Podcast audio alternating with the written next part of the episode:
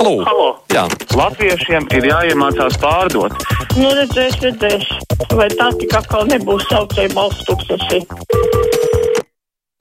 Mūsu tālruņa numuri 6722, 888, un 672, 559, tātad 672, 888, un 672, 559. Jūsu komentāri un spriedumi arī tiks sadzirdēti, ja tos atrakstīsiet uz Latvijas radio mājas lapu.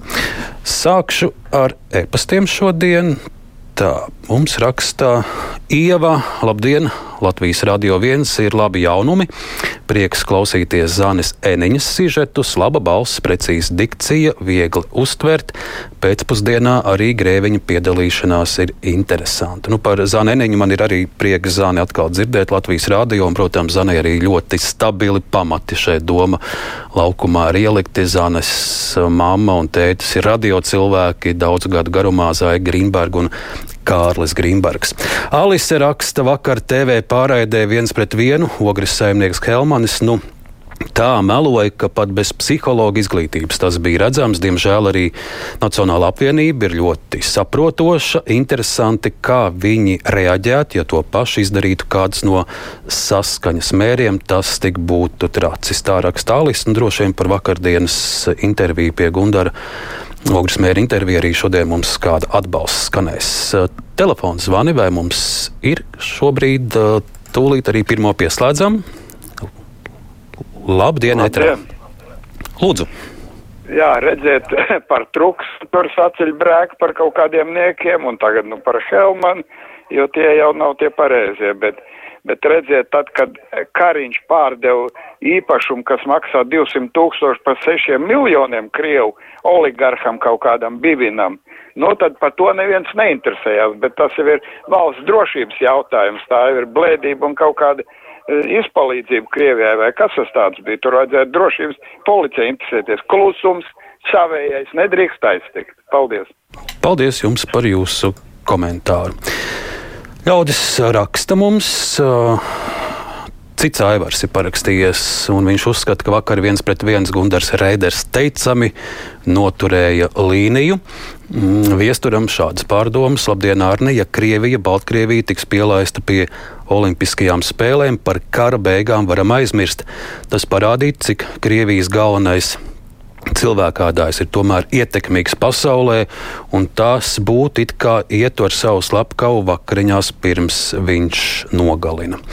Agnes raksta, atalgojumu valsts un pašvaldību iestādēs strādājošajiem vajadzētu noteikti vadoties pēc vidējās algas valstī, piemēram, skolotājiem viena vidējā alga mēnesī, saimas deputātiem divas, prezidentam trīs, bet ne vairāk. Citādi cits saņems 600, cits 6000 eiro un vairāk. Tagad klausītājs ēterā labdien, jums vārds. Labdien! Lūdzu! Es šodien piezvanīju uz Krievijas vēstniecību un gribēju pajautāt, vai viņi palīdz saviem draugiem, turkiem un sīriešiem zemestrīcēs, vai tikai sūta uz Ukrainu savus karavīrus. Un tad viņš prasīja, lai es stādoties priekšā, es teicu, es esmu latviet, baigot vārdu un uzvārdu. Bet 44. gadā, kad viņš šāva uz mani, viņi jau nestādījās priekšā, kas viņi ir. Viņi vienkārši šāva un labi, ka tā lode netrāpīja man tikai jāatnosējas no. Un, kundze, ar ko jums tā saruna beidzās vēstniecībā, ko viņi jums paskaidroja? Nomet klausulu. Nomet klausulu. Viņi parasti tā nomet klausulu. Un es gribēju paprasīt, vai viņi tur arī stādās katram Ukrainim priekšā, kas, kuru viņš šauja. Kundze, jūs bieži zvanat uz Krievijas vēstniecību. Ko jūs viņiem vaicājat, kāda jums tā saruna sanāk ar viņiem? Nu, es diezgan pabieži. Viena reize pa visu laiku, kamēr tagad uh, gada laikā uh, karš ir bijis, viena reize viens no vēstniecības, nu, parunāja tā normāli. Nu, saprotoši, ka tā nevar darīt vai kā, bet katru reizi man nomet klausulu. Nu, pavisam īsi vēl jums tā saruna sanāk latviešu valodā, krievu, kā, kā viņi jums runā? Nē, krievu valodā, vai nu prāts, viņi taču neprot latviešu. Skaidrs. Paldies, paldies par jūsu šodienas zvanu un pārdomām. Uh, par vakardienas brīvo mikrofonu viena kundze vakar zvanīja un, un teica, ka viņai tagad nu, gluži vai stundu vajagot, lai uzvārītu uh, katliņu, jo gāze esot palikusi tāda dīvaina. Es uh, šo citātu vakar ieliku Twitterī un, un ļoti daudz man atsauksmes bija. Protams, daļa cilvēku to uztvēra kā tādu varbūt joku, bet izrādās, ka sava daļa taisnības šai kundzei varbūt arī ir, jo vairāk ļaudis man atrakstīja, ka tiešām dabasgāzē var diezgan mainīties kaloritāte atkarībā no piegādes uh, avota, un tieši tas ietekmē sadegšanas siltumu. Un atrakstīja arī no Energodati LV, parādot saiti uz GASO mājaslapu, un tur tiešām uh, ir katru dienu publicēta informācija par katru Latvijas pilsētu un par gāzes siltumspēju. Un, jā, nu, šeit varbūt ir ļoti interesanti. Man šis bija jaunums, ka tiešām tā gāzes siltumspēja var atšķirties. Un šeit varbūt kolēģi arī var, var šo stāstu papētīt. Paldies kundzei, kas vakar pie, piezvanīja tādu interesantu ierosmi par šo stāstu uzzināt vēl ko vairāk. Nu, atkal telefons zvans. Labdien! Sveicināt brīvajā mikrofonā! Labdien, jums vārds! Labdien! Lūdzu! Labdien! Halo! Kungs, lūdzu, runājiet, jūs esat ētrā jau krietnu laiku. Šeit no rīta ziņoja, ka brauks atjaunot Ukrainu. Bet pašiem Latvijā teātris nav ga- gadu nav atremontēts, pārvads Daugavai nav pabeigts, grausti stāv Rīgā, bet atjaunot Ukrainu brauks. Kurš brauks uz Ukrajinu? Ko jūs tur sadzirdējāt? Kungs, No rīta ziņās ziņoja, ka brauks atjaunot Ukrainu. kurš brauks atjaunot? Latvija. Latvija brauks atjaunot Ukrajinu. Jā, no rīta ziņās ziņoja. Nu, es atkal ziņās esmu dzirdējis, ka ļoti daudz cilvēku paši vāc ziedojumus, paši ved savas mašīnas. Ļoti daudz ir brīvprātīgo, kur palīdz Ukrāņiem. Sākot jau ar eh, sirmāmuļām, kuras eh, āda zeķes eh, Ukrāņu karavīriem. Tā palīdzība ir, ir, ir ļoti, ļoti dažāda. Nākamais zvans eh, šodien brīvajā mikrofonā. Labdien, jums vārds! Sveiki! Labdien, tagad lielu traci sacēluši par tiem Krievijas pilsoņiem. Es domāju, tur nekas nebūs.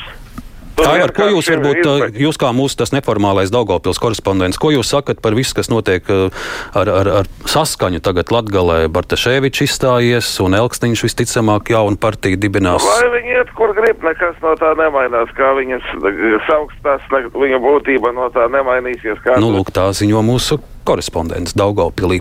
Nākamais zvans sveicināti, lūdzu. Labdien! Labdien! Piem, piemineklis mēs esam nogāzuši, bet ir palicis tāds suvenīrs, kā Krievu lamu vārdi. Vakar braucu aut 24. autobusā, Rīnužu skolas audzēknis kaut kāda 8, 9 gadi, skaļi vismaz trīs reizes lietoja visnecenzētākos vārdus. Un pat varbūt, ka mums beidzot jāsāk cīnīties arī pret šādu pieminekli. Jūs tiem jauniešiem mēģinājāt varbūt kaut ko aizrādīt vai, vai pateikt, ka tā nav labi? Nē, es mēģināju aizrādīt, bet tā mute bija tāda, ka tur.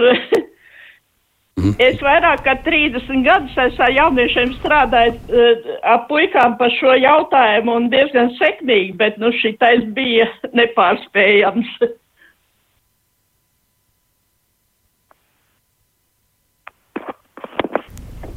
Sveiki! Jā, Lūdzu, jūs esat brīvajā mikrofonā. nu, ko tur runāt par tiem bērniem? Jā? Mums Latvijas policijā ir trešā daļa krievi. Un, Un uh, man vēl ir jautājums tā, vai jūs arī esat trīsdorģi ordeni saņēmis? arī tādas pārdomas šodien mums klausītājiem. Nākamais zvans, sveiki, labdien! Labdien! Lūdzu! Man tāda piezīme par latviešu valodas lietošanu.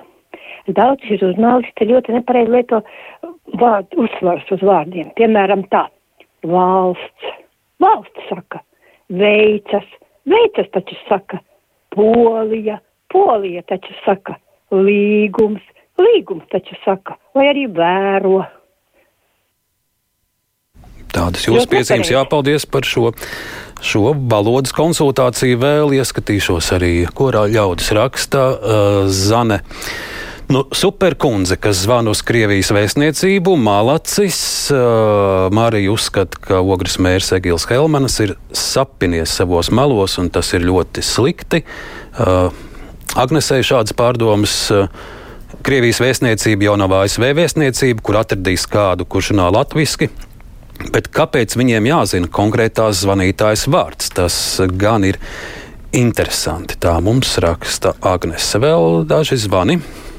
Un lūk, arī jums ir iespēja ēterā ko teikt. Labdien! Labdien!